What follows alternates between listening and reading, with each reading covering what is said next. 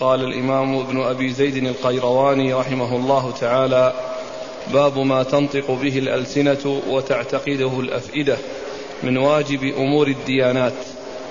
من ذلك الإيمان بالقلب والنطق باللسان أن الله إله واحد لا إله غيره ولا شبيه له ولا نظير له ولا ولد له ولا والد له ولا صاحبة له ولا شريك له. فهذه مقدمة رسالة ابن أبي زيد القرواني التي تتعلق بالعقيدة. وابن أبي زيد القرواني كما عرفنا هو آه، من علماء المالكية الذين لهم تمكن في المذهب والذي له مؤلفات كثيرة. وقد ألف هذه الرسالة وكانت مشتملة على الأصول والفروع.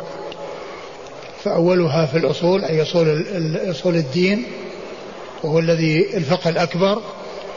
ثم بعد ذلك مسائل الفروع التي هي في العبادات والمعاملات وغير ذلك وهي الفقه الأصغر. وكان رحمه الله قد عمل مقدمة قبل هذا خطبة للكتاب. وقال إنه آه، كتب الرسالة بناء على طلب من بعض الإخوان الذين سألوه أن يؤلف فألف رسالة مشتملة على الأصول والفروع. وكانت وكلامه في الأصول في في هذا الباب الذي نتكلم عليه والذي نبدأ بالكلام عليه الآن. وعلى هذا فرسالته مشتملة على أبواب. ومنها هذا الباب الذي هو في الأصول اللي هو أصول الدين الذي هو العقيدة. وبعد ذلك أبواب متعددة في الفقه. وإذا فهذا باب من جملة أبواب الرسالة إلا أنه خاص بالعقيدة وخاص في مسائل الاعتقاد. وما بعده من أبواب يتعلق بمسائل الفروع كالطهارة والصلاة والصيام والحج وغير ذلك. والنكاح والجهاد وغير ذلك من من أنواع العبادات والمعاملات. ما يتعلق بالعبادات والمعاملات. ومن المعلوم أن الأئمة الأربعة أبو حنيفة ومالك والشافعي وأحمد هم من أئمة السلف وعلى منهج السلف وعلى طريقة السلف. وأما أتباع الأئمة فمنهم من كان على طريقتهم في الأصول ومنهم ابن أبي زيد القيرواني رحمه الله لأنه على منهج الإمام مالك وعلى طريقة الإمام مالك في الأصول الذي هي العقيدة. ومعلوم أن عقيدة آه، سلف هذه الأمة من الصحابة ومن بعدهم حتى جاء الاختلاف والتفرق وجاءت البدع والمحدثات الأمور كان الناس على عقيدة صافية وعلى عقيدة سليمة هي اتباع الكتاب والسنة والعمل بما جاء عن الله وعن رسوله صلوات الله وسلامه وبركاته عليه. وكثير من أتباع أصحاب أتباع الأئمة الأربعة ليسوا على عقيدتهم. يتعصبون لهم في الفروع ويخالفونهم في الأصول. العقيدة التي عليها الأئمة الأربعة في الأصول لا يكونون عليها. وإنما يكونون على عقيدة محدثة مبتدعة حادثة مولودة بعد أن كانت عدما في زمن الصحابة لا وجود لها ولدت بعد ذلك فابتلي بها كثير من أتباع آه، الأئمة الذين قلدوا في الفروع ولم يتابعوا في الأصول وكان الواجب عليهم أن يتابعوا في الأصول لأنها هي التي لا تقبل الافتراق ولا تقبل الاختلاف. وأما في الفروع فالأمر في ذلك واسع لأن الفروع يسوغ فيها الاختلاف. والمجتهد المصيب له أجران والمجتهد المخطئ له أجر واحد وخطأه مغفور. وأما الأصول فإن العقيدة واحدة والسلف على منهج واحد وعلى طريقة واحدة والصحابة رضي الله عنهم وأرضاهم ومن سار على منهاجهم كانوا على هذا المبدأ. وقد عرفنا في الدرس الماضي كلام المقريزي في في ما كان عليه الصحابة رضي الله تعالى عنهم وأرضاهم وأنهم على طريقة واحدة وعلى منهج واحد وأنه بعد ذلك حصل حصل التفرق وحصل الاختلاف وحصلت حدوث الفرق. التي انحرفت عن الجادة وأنه تحقق ما أخبر به الصادق المصدوق صلى الله عليه وسلم من أن آه، آه، من قوله فإنه من يعيش منكم فسيرى اختلافا كثيرا. فعليكم بسنتي وسنة الخلفاء الراشدين دينا بعدي.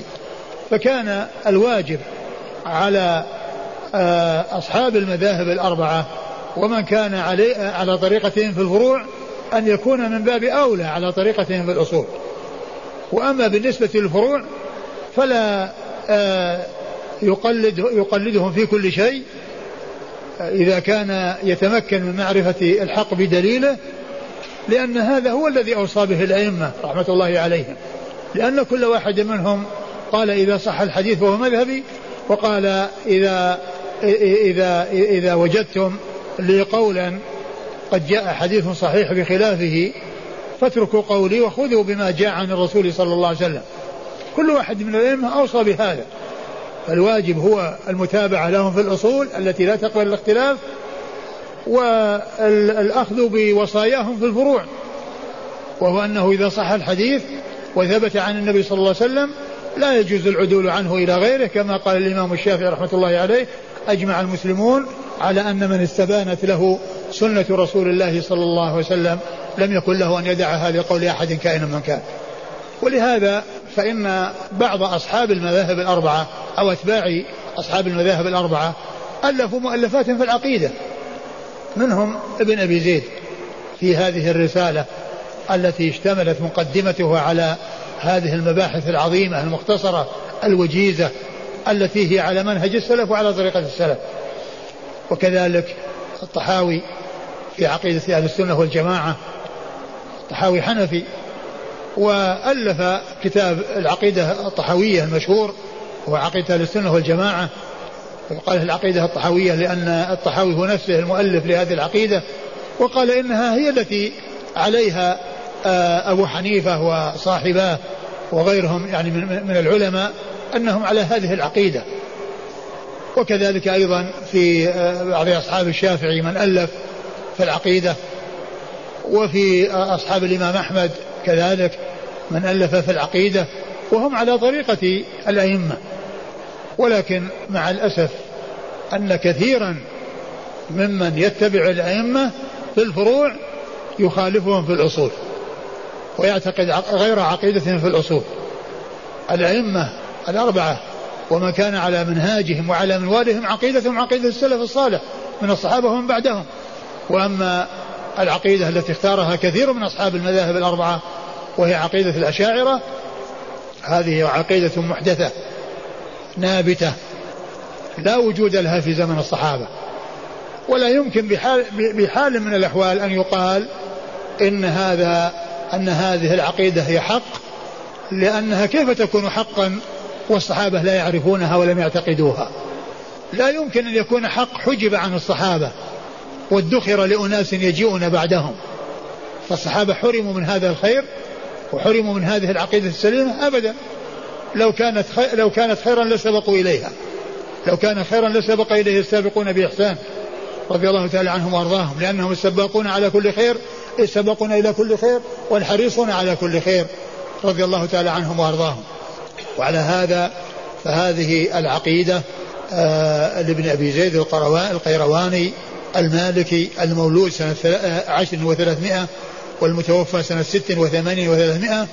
هذه على منهج الإمام مالك وعلى طريقة السلف ولهذا قال الذهبي رحمه الله في ترجمته في سير علام النبلاء قال وكان على منهج السلف في الأصول لم يدري الكلام ولم يتأول.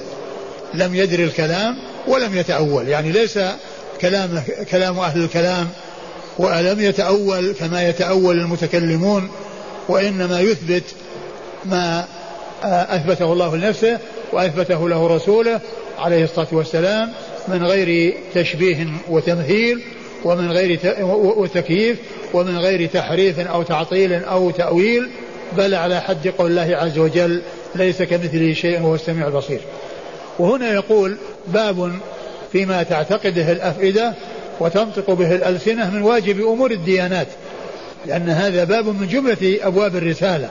وكما قلت أبواب الرسالة فيها هذا الباب في الأصول وأبواب أخرى في الفروع.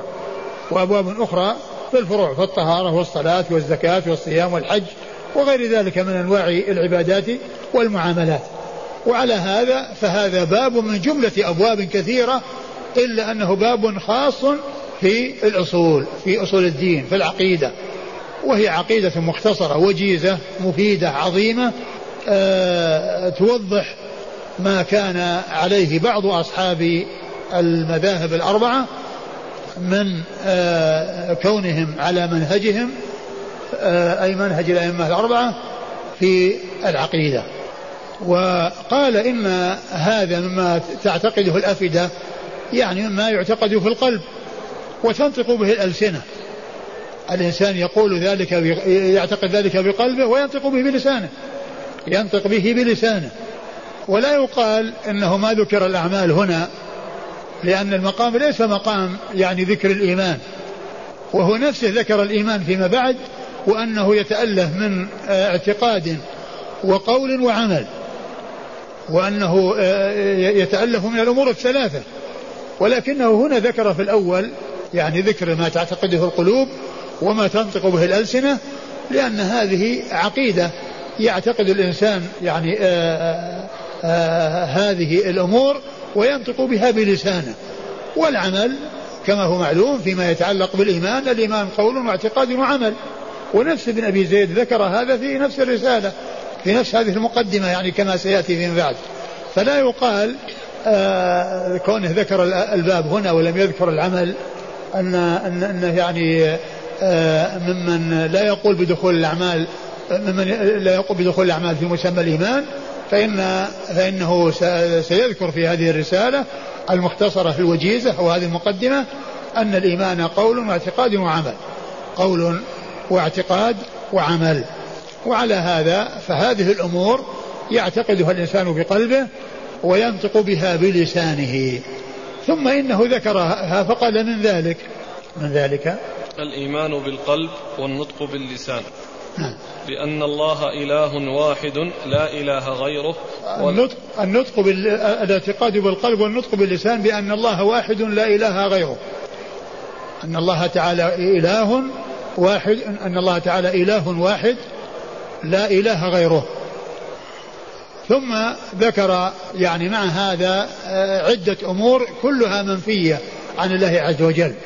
فقال لا إله غيره. ولا شبيه له, شبيه له. ولا نظير له. ولا نظير له. ولا, ولا ولد له. ولا والد له. ولا صاحبة له. ولا شريك له. سبعة. يعني ذكر إثباتا في الأول وسبعة وسبعة أمور منفية. بعد ذلك الإثبات. يعتقدون أن الله إله واحد ثم قال لا آه إله غيره. لا إله غيره ولا نظير له ولا شبيه له ولا ولد له ولا والد له ولا صاحبة له ولا شريك له. إثبات واحد وسبعة أمور منفية عن الله عز وجل. وهذه طريقة السلف في الإثبات والنفي. الإثبات يعني يكون مفصل والنفي مجمل ولكنه نفي يدل على إثبات كمال لله عز وجل بخلاف طريقة المتكلمين التي النفي فيها يدل على نقص ولا يدل على كمال لأن كل نفي جاء في الكتاب والسنة وهو يدل على إثبات كمال يعني ضده فكونه لا يعني لا شريك له لكمال ألوهيته وربوبيته وأسمائه وصفاته. وكونه لا والد له ولا ولد له ولا صاحبة لكمال غناه. لأنه غني عن الوالد والولد والزوجة التي هي الصاحبة وكذلك كونه لا شبيه له ولا نظير له يدل على تفرده وعلى اختصاصه بصفات الكمال سبحانه وتعالى. فالسلف عندهم النفي يتضمن إثبات كمال. بخلاف المتكلمين فإن النفي عندهم يدل على نقص. لأن الأمر كما ذكرت في الدرس الماضي يؤول بهم إلى أن يكون المعبود لا وجود له. كما قال بعض أهل العلم المعطل يعبد عدما لأنه إذا قال الله ليس بكذا وليس بكذا وليس بكذا وليس بكذا وكل شيء ينفيه عن الله عز وجل يؤول الأمر إلى أن أنها تكون ذات مجردة من جميع الصفات وعند ذلك لا يكون لا يكون وجود لا, لا يكون هناك وجود للمعبود. ولكن السلف عندهم نفي النفي عندهم يتضمن إثبات كمال يعني ضد ذلك المنفي. يتضمن إثبات كمال وهو ضد ذلك المنفي الذي نفي. فقول الله عز وجل فقول الله عز وجل ولقد خلق السماوات في ستة أيام وما مسنا من لغوب. هذا النفي يتضمن إثبات كمال وهو قدرته. يعني كونه يعني ما, ما مسه لغوب وهو التعب والإعياء يعني يدل على كمال قدرته. فهو نفي متضمن لكمال. وما كان الله ليعجزه من شيء في السماوات ولا في الأرض. يعني لكمال قدرته. لكمال قدرته. آه كذلك كونه لا تأخذه سنة ولا نوم. لكمال حياته وقيوميته سبحانه وتعالى.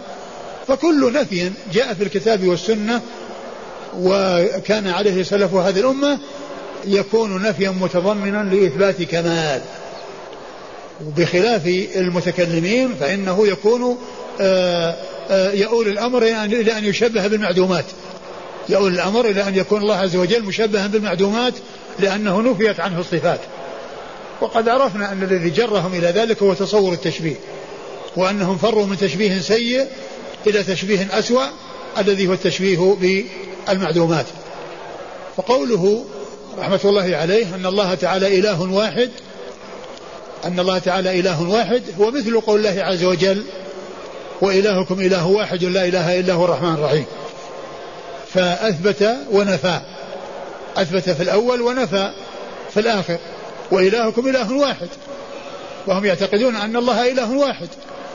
فهو إله واحد لا شريك له في ألوهيته. هو المستحق للعبادة وحده لا شريك له. لا يصرف من من أنواع العبادة شيء لغير الله عز وجل. فهو المعبود وحده لا شريك له. وهذا هو مقتضى كلمة الإخلاص لا إله إلا الله. أي لا معبود حق إلا الله. لا معبود حق إلا الله. فالله عز وجل واحد في ألوهيته لا ليس له شريك في العبادة كما أنه ليس له شريك في الخلق والإيجاد فهو المنفرد بالعبادة وحده لا شريك له وهو الذي يجب أن يفرد بالعبادة وحده لا شريك له. فإذا هذه الجملة من جنس قول الله عز وجل وإلهكم إله واحد أو هي تدل أو مأخوذة أو مستنبطة من قول الله عز وجل وإلهكم إله واحد لا إله إلا هو الرحمن الرحيم. وهو قال يعتقدون أن الله إله واحد لا إله غيره. وإلهكم إله واحد لا إله إلا هو الرحمن الرحيم. هذا هو مقتضى هذه الآية. وهذا هو الذي آه، اشتملت عليه هذه الآية. هو هذه المعنى الذي اشتملت عليه هذه الجملة من كلام ابن أبي زيد القيرواني رحمه الله. ومعلوم أن النفي للآلهة إنما هو النفي بأنها تكون آه، آه، الألوهية بحق. أما وجود الألوهية بباطل فهي كثيرة وما أكثر الآلهة في كل زمان ومكان. ولكن ولكنها آلهة باطلة. وإنما الألوهية الحق لله عز وجل فهو الإله وحده لا شريك له ولهذا أرسل الله الرسل وأنزل الكتب كل ذلك لتقرير أن الله عز وجل هو المستحق للعبادة. كما قال الله عز وجل ولقد بعثنا في كل أمة رسولا أن يعبدوا الله واجتنبوا الطاغوت.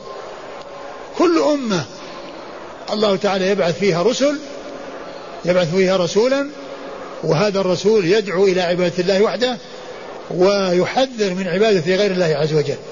ولقد بعثنا في كل أمة رسولا أن يعبدوا الله واجتنبوا الطاغوت. فهذه مهمة الرسل.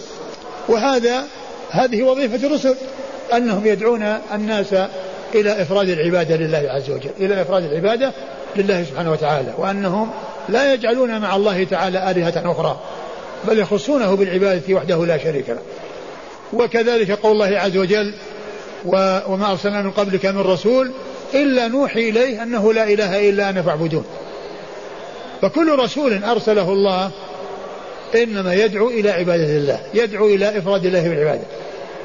لا إله إلا أنا فاعبدون. لأن الله تعالى هو الإله المعبود وحده لا شريك له. فلا يصرف شيء من أنواع العبادة لغيره. فالعبادة الدعاء يكون لله والذبح لله والنذر لله والاستغاثة بالله والاستعاذة بالله والاستعانة على الله والتوكل على الله. وكل أنواع العبادة يجب أن تكون خالصة لوجه الله عز وجل. وتوحيد الألوهية هو توحيد الله تعالى بأفعال العباد. توحيد الألوهية تعريفه أنه توحيد الله تعالى بأفعال العباد. يعني ذبحهم ونذرهم وخوفهم ورجاءهم وتوكلهم ورغبتهم ورهبتهم إنابتهم استعاذتهم استعانتهم توكلهم. كل هذه أفعال العباد. يجب أن تكون خالصة لله عز وجل. توحيد الألوهية هو توحيد الله تعالى بأفعال العباد والتوحيد عند آه يعني عند عند عند العلماء يعني من سلف هذه الأمة ومن سار على منوالهم ينقسم إلى هذه الأقسام الثلاثة توحيد الربوبية توحيد الألوهية وتوحيد الأسماء والصفات. والذي معنا هنا في هذه الجملة هو توحيد الألوهية. أن الله تعالى إله واحد لا شريك إله واحد. أن الله تعالى إله واحد أي معبود واحد لا يعبد معه غيره. وتعريف هذا التوحيد وتوحيد الألوهية كما عرفنا توحيد الله تعالى بأفعال العباد. أن يخصونه بأفعالهم فلا يجعلون مع الله آلهة أخرى فلا يدعون مع الله غيره ولا يتوكلون على غير الله مع الله ولا يذبحون لغير الله ولا ينظرون لغير الله ولا يخشون إلا الله ولا يستعينون إلا بالله ولا يستعيذون إلا بالله ولا يستغيثون إلا بالله. كل أنواع العبادة يجب أن تكون خالصة لوجه الله سبحانه وتعالى. آه توحيد الربوبية وتوحيد الألوهية وتوحيد الأسماء والصفات توحيد الربوبية توحيد الله تعالى بأفعاله كونه خالقا رازقا محييا مميتا وواحد فيها وتوحيد الله تعالى بالألوهية كونه يوحد بأفعال العباد فلا يشرك مع الله تعالى في العبادة غيره.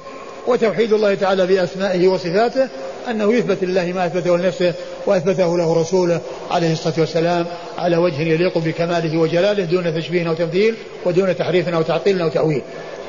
ثم هذه الأنواع الثلاثة آه، مأخوذ آه، آه، المستند في إثباتها الاستقراء لنصوص الكتاب والسنة. الاستقراء لنصوص الكتاب والسنة يتبين به أو بالرجوع إلى نصوص الكتاب والسنة أنها تنقسم إلى هذا التقسيم. فهذا هو المستند. ويتضح هذا بأول سورة في المصحف وآخر سورة في المصحف. أول سورة في المصحف الفاتحة وآخر سورة في المصحف الناس. وتنقسم وتدل على أنواع التوحيد الثلاثة. تشتمل على أنواع أنواع التوحيد الثلاثة. الحمد لله رب العالمين. الحمد لله هذا توحيد الألوهية. لأن إسناد الحمد إلى الله وإضافة الحمد إلى الله هذه عبادة. هذه توحيد الألوهية. الحمد لله. رب العالمين في توحيد الربوبية وتوحيد الأسماء والصفات. توحيد الربوبية هو رب العالمين خالقهم ومربيهم بالنعم وأيضا أسماء صفات الرب من أسماء الله تعالى الرب. الرب. فإذا الجملة الأولى من سورة الفاتحة اشتملت على أنواع التوحيد الثلاثة. توحيد الربوبية توحيد الألوهية توحيد الأسماء والصفات توحيد الألوهية في قوله الحمد لله وتوحيد الربوبية في رب العالمين. الرحمن الرحيم توحيد الأسماء والصفات. مالك يوم الدين وفي قراءة مالك يوم الدين في توحيد آه، آه، آه، الربوبية وتوحيد الأسماء والصفات. لأن كونه يعني مالك يوم الدين المتصرف فيه الذي هو ملكه هو مالك الدنيا والآخرة ومالك كل شيء فيه توحيد الربوبية وتوحيد الأسماء والصفات. إياك نعبد وإياك نستعين توحيد الألوهية. اهدنا الصراط المستقيم توحيد الألوهية لأنه دعاء. صراط الذين أنعمت عليهم غير المغضوب عليهم ولا الضالين. أي الذين صاروا على التوحيد والذين جانبوا التوحيد. يسأل الإنسان ربه أن يهديه الصراط المستقيم الذي هو طريق المنعم عليهم من النبيين والصديقين والشهداء والصالحين. وأن يجنبه طريق المغضوب عليهم والضالين الذين جانبوا التوحيد. يسأله أن يكون على الصراط المستقيم الذي هو آآ آه، آآ آه، طريقة الأنبياء والمرسلين ومكان على منوالهم وأن يجنبه طريق المغضوب عليهم والضالين الذين جانبوا التوحيد. فسورة الفاتحة مشتملة على أنواع العبادة أنواع التوحيد آه التي هي الربوبية والألوهية والأسماء والصفات. ولهذا كما قلت الدليل على هذه القسمة هو الاستقراء. أو هذا التقسيم هو الاستقراء سورة الناس اللي هي آخر سورة في المصحف قل أعوذ برب الناس أعوذ توحيد الألوهية لأن الاستعاذة من أنواع من أنواع العبادة. رب الناس مثل رب العالمين فيه ربوبية وأسماء وصفات. فيه ربوبية وأسماء وصفات. إله الناس كذلك يعني فيه يعني آه ربوبية وفيه ألوهية وكذلك ملك الناس يعني فيه أسماء وصفات. وفيه توحيد ربوبية آه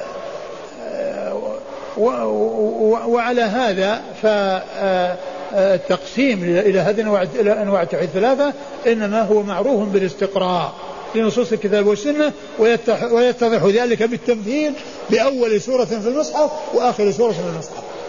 أول سورة وهي الفاتحة وآخر سورة وهي الناس. فاتحة الكتاب وخاتمته. يعني يتبين هذا التقسيم من هاتين السورتين اللتين هما فاتحة الكتاب وخاتمة الكتاب الفاتحة والناس. آه أن الله واحد آه لا إله غيره. وفيه يعني أن من أسماء الله الواحد. وقد ذكرت الآية التي آه يعني هذه الجملة مأخوذة منها. وهي وإلهكم إله واحد. وأيضا سورة الإخلاص قل هو الله أحد. قل هو الله أحد الله الصمد لم يلد ولم يولد ولم يكن له كفوا أحد. وهذه السورة تشتمل على الإثبات في موضعين والنفي في ثلاثة مواضع. في إثبات الأحدية والصمدية ونفي الأصول والفروع والنظراء. هذه السورة تشتمل على إثبات الأحدية والصمدية لله عز وجل وعلى نفي الأصول والفروع والنظراء. إثبات الأحدية في الله أحد والصمدية الله الصمد ونفي الأصول والفروع والنظراء لم يلد ولم يولد ولم يكن له كفوا أحد. فإن قوله لم يلد نفي للفروع ولم يولد نفي للأصول ولم يكن له كفوا أحد نفي للنظراء. نفي للنظراء. يعني ليس لله من يعني من يكون عدلا له ومن يكون مساويا له ومن يكون مماثلا له بل هو واحد فرد صمد آآ آآ غني عن كل ما سواه وكل من سواه مفتقر إليه لا يستغني عنه في لحظة من اللحظات. وعلى هذا فهذه السورة العظيمة اشتملت على إثبات الأحدية واسم من أسماء الله الذي هو الأحد وكذلك الصمد وهو اسم من أسماء الله والصمد يعني آآ آآ فسر بأنه الغني الذي تصمد إليه الخلائق بحوائجها فهو غني عن كل ما سواه وكل من سواه مفتقر إليه. فهو صمد تصمد إليه الخلائق بحوائجها. يعني تعول عليه وتعتمد عليه وتفزع إليه وتلجأ إليه ولا, يستغنى عن الله طرفة عين. بل هو الغني عن كل من سواه المفتقر إليه كل من عداه هذا هو معنى كونه صمدا. فجاء الإثبات في موضعين ثم جاء النفي الذي هو مؤكد للإثبات. لأن قوله قل هو الله أحد هذا إثبات الأحدية جاء ما يؤكدها في الآخر ولم يكن له كفوا أحد. لأن ليس له من يكون مساويا ومن يكون مماثلا. ففي ذلك نفي النظراء عن الله عز وجل. فإذا الجملة الأخيرة تأكيد للجملة الأولى. النفي الذي هي يعني فيه يعني إثبات الكمال لله عز وجل في كونه واحدا لا نظير له. وقوله لم يلد ولم يولد يعني هذا النفي متضمن إثبات كمال صمديته وأنه الغني عن كل من سواه المفتقر إليه كل من عداه. فهو لا يحتاج إلى والد ولا إلى ولد. ال ال ال الذي يحتاج إلى الوالد الولد يحتاج إلى الوالد لأنه لا المولود جاء من الوالد. فالمولود لا يستغني عن والده.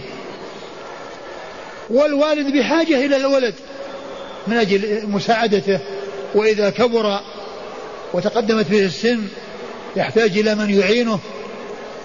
الله عز وجل ليس كذلك. فهو غني عن كل أحد. لا يحتاج إلى والد ولا يحتاج إلى ولد. بخلاف غيره فإنه مفتقر إلى الوالد والولد. الوالد بحاجة إلى ولد والولد لا يستغني عن الوالد. والله عز وجل غني عن كل من سواه وكل من سواه مفتقر إليه. وعلى هذا فلم يلد ولم يولد نفي للأصول والفروع وهو تأكيد وتوضيح لكمال غنى الله عز وجل وأنه لا يحتاج إلى إلى أحد. وأن كل كل كل من سواه مفتقر إليه ومحتاج إليه سبحانه وتعالى. وإذا فهذه السورة العظيمة هذه سورة الإخلاص فيها إثبات في موضعين ونفي في ثلاث مواضع والنفي الذي فيها متضمن إثبات كمال لله عز وجل. لأن قوله لم يلد ولم يولد يتضمن كمال غناه وأنه غني عن كل من سواه لا يحتاج إلى والد وإلا إلى ولد. وكونه لم يكن له كفوا أحد يدل على كمال أحديته وتفرده وأنه لا نظير له ولا عدل له ولا يعني آه مثيل له سبحانه وتعالى. آه إله واحد لا لا إله غيره. لا إله غيره. يعني هو المنفرد بالعبادة هو المستحق للعبادة وحده لا شريك له. ولهذا يأتي كثيرا في القرآن تقرير توحيد الربوبية للإلزام بتوحيد الألوهية.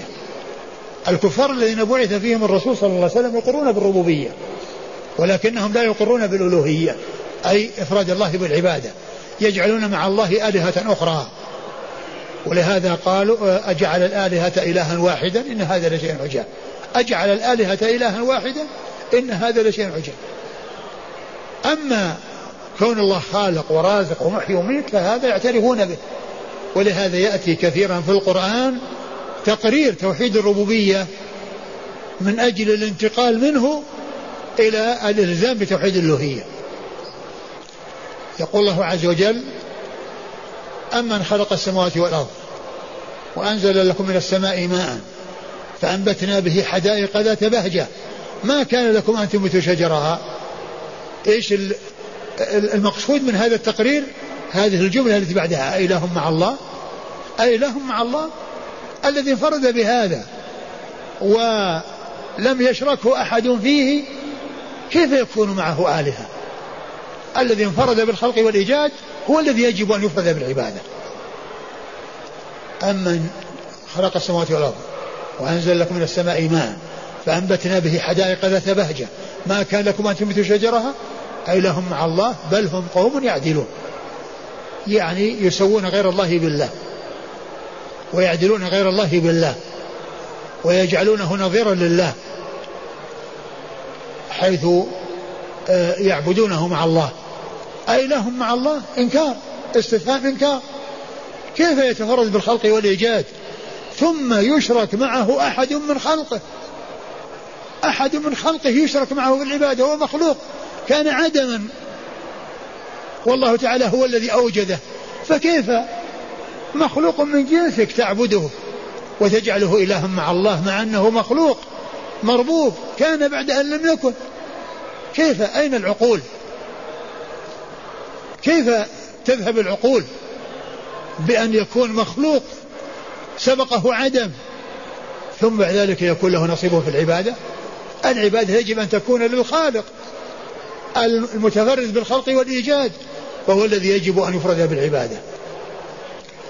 أمن جعل الأرض قرارا وجعل خلالها أنهارا وجعل لها رواسي وجعل بين البحرين حاجزا أي لهم مع الله وجعلها رواسي وجعل بين البحرين حاجزا أي لهم مع الله بل أكثرهم لا يعلمون. أما يجيب المضطر إذا دعاه ويكشف السوء ويجعلكم ولا أي لهم مع الله وهكذا يأتي تقرير توحيد الربوبية من أجل الانتقال إلى الإلزام بتوحيد الألوهية. ولهذا يقولون إن توحيد الربوبية مستلزم لتوحيد الألوهية. مستلزم. إيش معنى مستلزم؟ من أقر به توحيد الربوبية يلزم أن يقر بالألوهية. يلزمه. ولا بد. ما دام أن الله تعالى متفرد بالخلق والإيجاد يلزم من أقر بهذا أن يجعل الله عز وجل هو المعبود وحده. ولهذا يأتي في القرآن تقرير توحيد الربوبية للإلزام بتوحيد الألوهية. أما من وجد عنده توحيد الألوهية فتوحيد الربوبية موجود عنده. ولهذا يقولون توحيد الألوهية متضمن لتوحيد الربوبية. من وجد عنده توحيد الألوهية موجود عنده توحيد الربوبية. لأن لا يمكن يعبد الله وحده ويقول أنه غير خالق. وينفي أنه يكون خالقا وأن يكون رازقا وأن يكون محيا.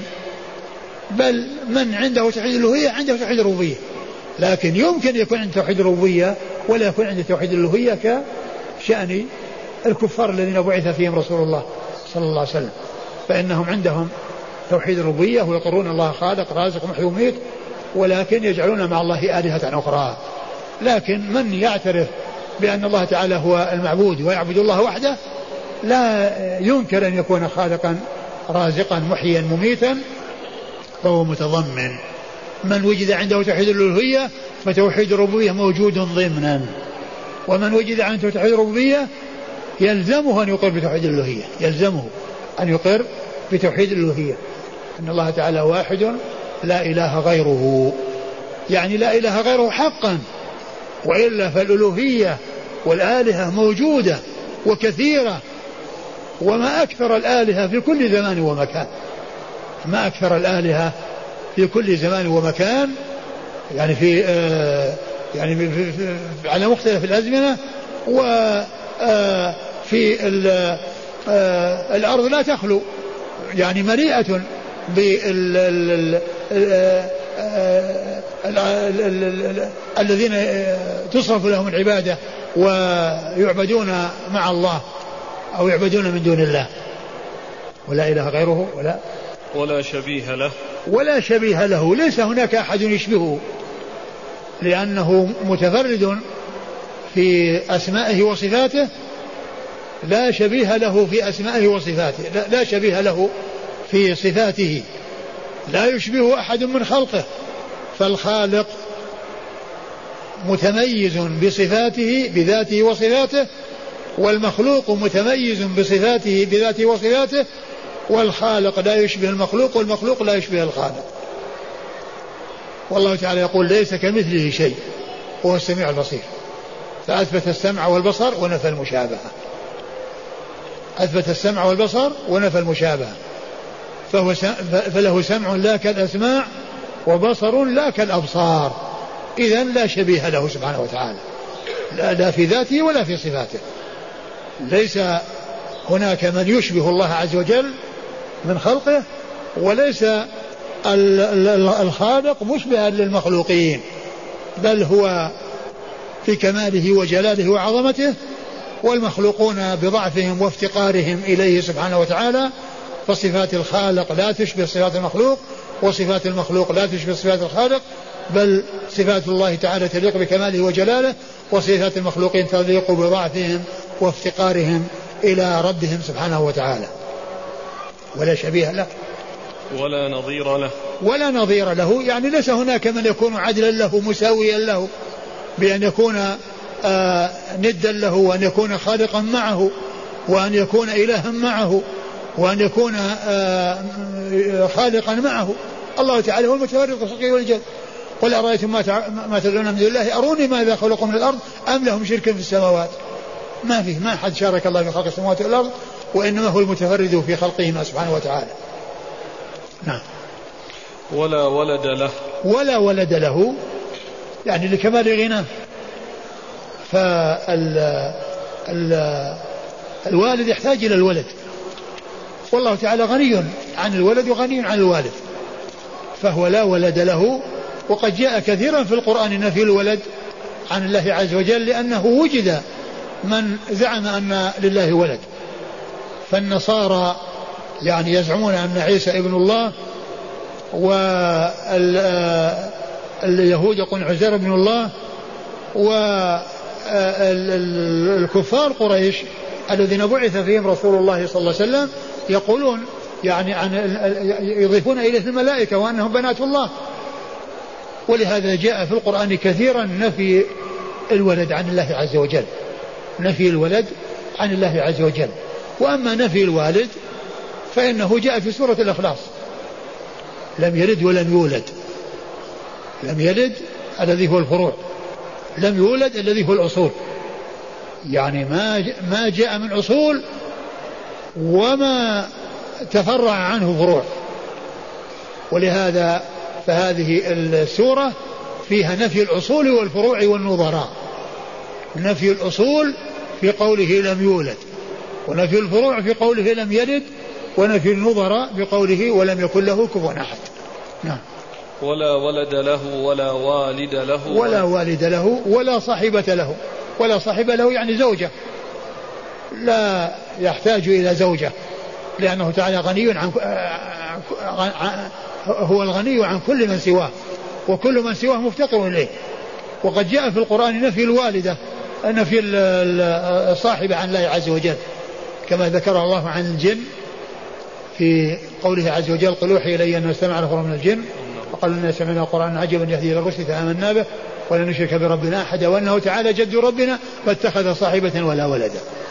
وأنه تعالى جد ربنا ما اتخذ صاحبة ولا ولد. يعني الصاحبة هي الزوجة. فليس له زوجة وليس له ولد. وتعالى بمعنى وجد الجد هنا بمعنى العظمة والجلال. وأنه تعالى جد ربنا يعني تعالت عظمته وجلاله. ما اتخذ صاحبة ولا ولدا ومثل قول الله قول الرسول صلى الله عليه وسلم في دعاء الاستفتاح سبحانك وبحمدك وتبارك اسمه تعالى جدك. أي تعالت عظمتك.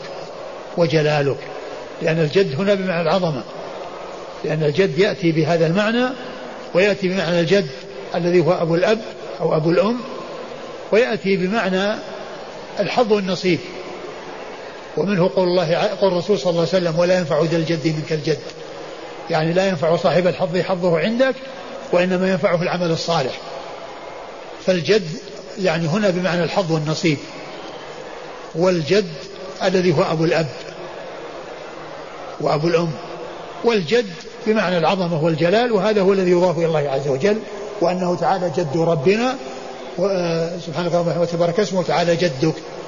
أي يعني آه، آه، تعالى آه، عظمته وجلاله سبحانه وتعالى.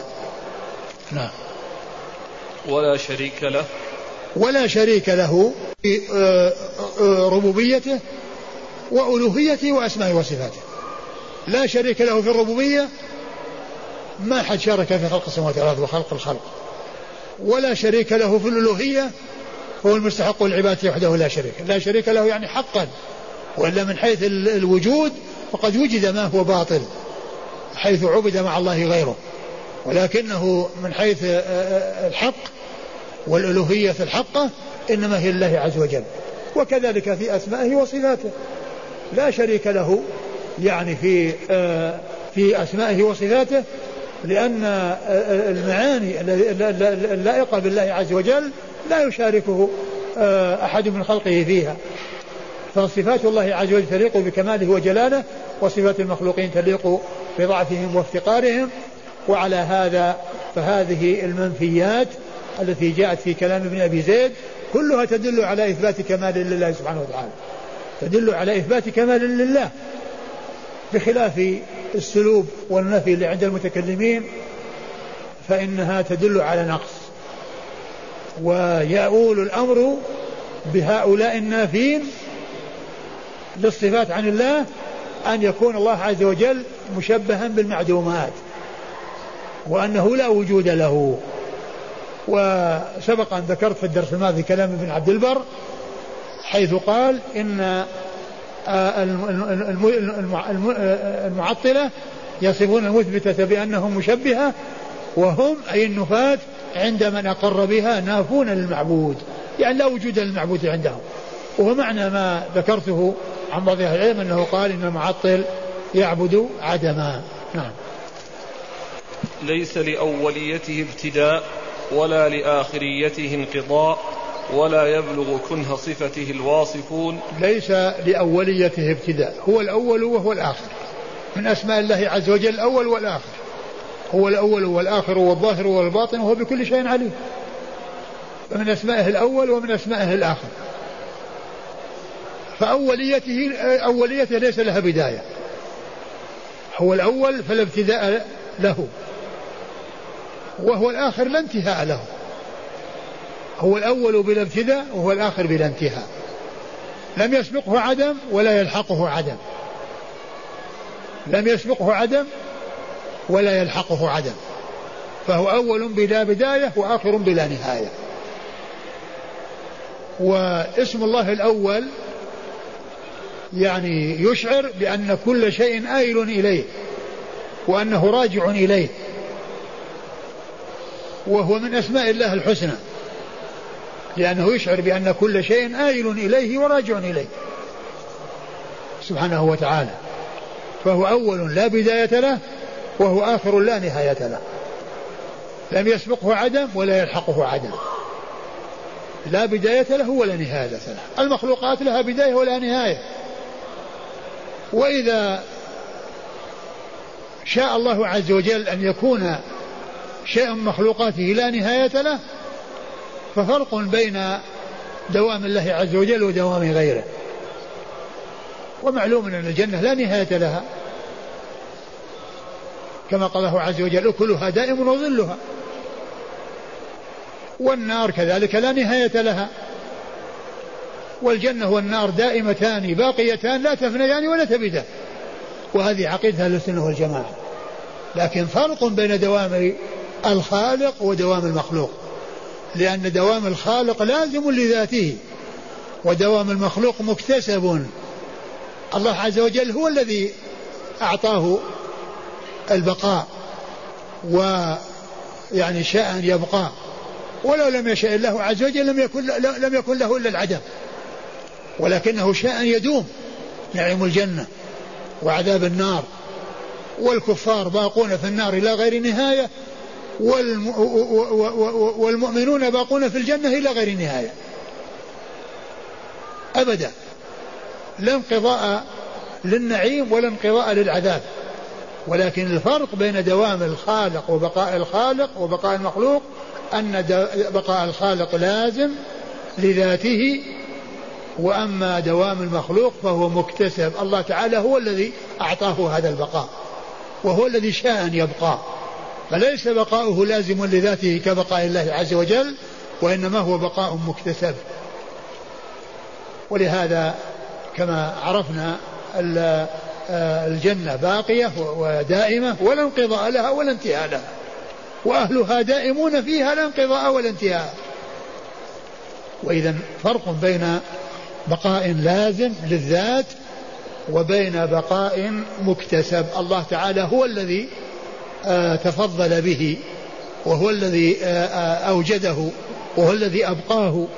ولو لم يشأ إبقاءه لا انتهى وفني. ولكنه شاء أن يبقى أهل النعيم في النعيم وأهل الجحيم في الجحيم هؤلاء إلى غير نهاية وهؤلاء إلى غير نهاية. كما قال ابن القيم رحمه الله في كتاب الوابل الصيب قال الدور ثلاث دار الطيب المحض ودار الخبث المحض. ودار جمعت بين خبث وطيب خبث وطيب فالأولان دائمتان لا تفنيان ولا تبيدان. وهي الدار التي فيها المؤمنون وهي الجنة والدار التي فيها الكفار وهي النار. فهما لا تفنيان ولا تبيدان. والدار التي جمعت بين خبث وطيب وهي المكان من النار الذي فيه العصاة الذين يعذبون في وقت حيث شاء الله أن يعذبوا ثم يخرجون منها. ثم يخرجون منها. يخرجون من النار. فلا يبقى يعني هذا العذاب لهم ويدوم كما يحصل دوام آه، آه، دوام الكفار. هذه الدور داران لا تفنيان ولا تبيدان. يعني باقيتان إلى غير نهاية. لكن هذا البقاء كما عرفنا مكتسب. آه، فهو أول بلا ابتداء. وكل مخلوق له بداية. وهذه العبارة عند ابن أبي زيد تشبهها عبارة عند الطحاوي. قديم بلا ابتداء دائم بلا انتهاء. ولكن التعبير بالقديم آه، آه، ليس من أسماء الله القديم. ولكن من باب الإخبار يخبر. لأن باب الإخبار أوسع من باب الأسماء والصفات. ولكن ليس من أسماء الله القديم بل من أسماء الله الأول.